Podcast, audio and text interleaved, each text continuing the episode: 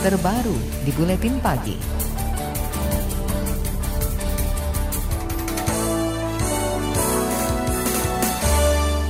Kepolisian menangkap dua terduga pelaku penyerangan penyidik KPK Novel Baswedan. Kabar Eskrim Polri Listio Sigit Prabowo mengatakan dua pelaku berinisial RM dan RB. Keduanya berstatus anggota polisi aktif. Kata dia, penangkapan dilakukan tim teknis Polri pada Kamis malam pekan lalu. Dari tim teknis telah menemukan informasi yang signifikan dan informasi tersebut kemudian kita dalami. Maka tadi malam tim teknis bekerja sama dengan Korbimob telah mengamankan pelaku yang diduga melakukan penyiraman terhadap saudara NB.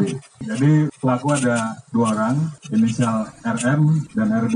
Itu tadi kabar Eskrim Polri Listio Sigit Prabowo. Sementara itu juru bicara Mabes Polri Argo Yuwono menuturkan dua pelaku ditangkap di Cimanggis, Depok. Ia memastikan dua pelaku itu sudah berstatus tersangka. Saudara tersangka penyerangan terhadap penyidik KPK Novel Baswedan berinisial RB menyebut Novel merupakan seorang pengkhianat. Pernyataan RB disampaikan saat dirinya dipindahkan dari Polda Metro Jaya menuju ke Bares Krim Polri. Saya nggak suka sama Novel karena dia pengkhianat. Penyiraman air keras kepada Novel Baswedan terjadi pada 11 April 2017 lalu. Teror ini terjadi usai Novel menunaikan salat subuh di masjid dekat rumahnya di kawasan Kelapa Gading, Jakarta. Tim kuasa hukum korban penyiraman air keras Novel Baswedan mempertanyakan penetapan dua tersangka yang diamankan pihak kepolisian. Kuasa hukum Novel Arif Maulana menyebut munculnya dua tersangka ini diwarnai kejanggalan. Arif juga mempertanyakan apakah penetapan status tersangka sudah sesuai dengan alat bukti serta pemeriksaan puluhan saksi oleh kepolisian dan tim gabungan. Dalam kasus ini, polisi dan TGPF melakukan tujuh kali olah TKP. Sementara itu ada 73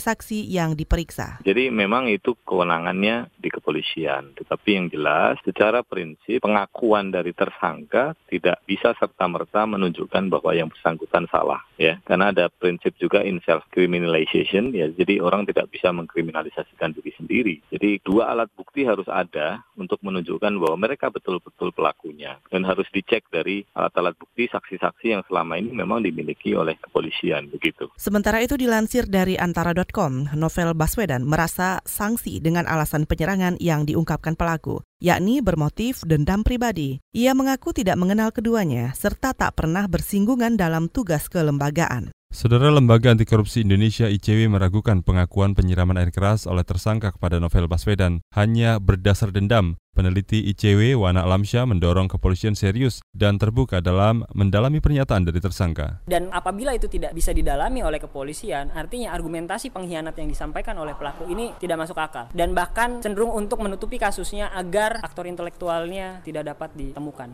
Pasang badan gitu, Bang.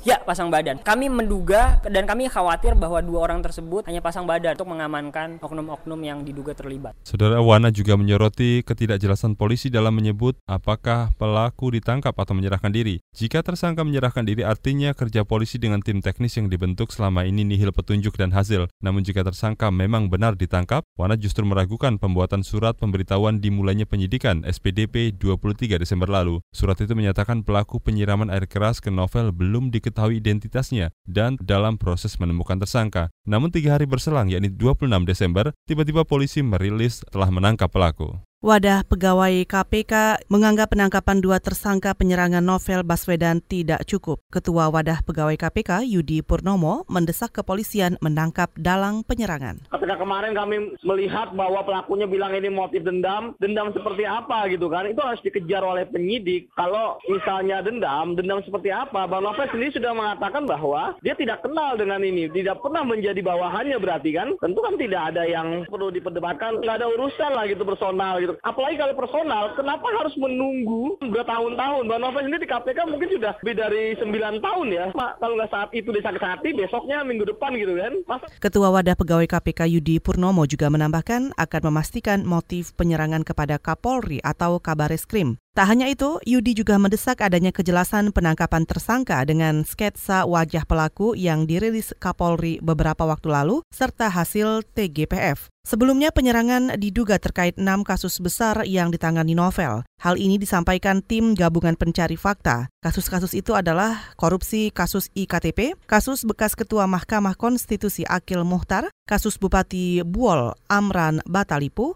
kasus Wisma Atlet dan kasus penanganan sarang burung walet Bengkulu.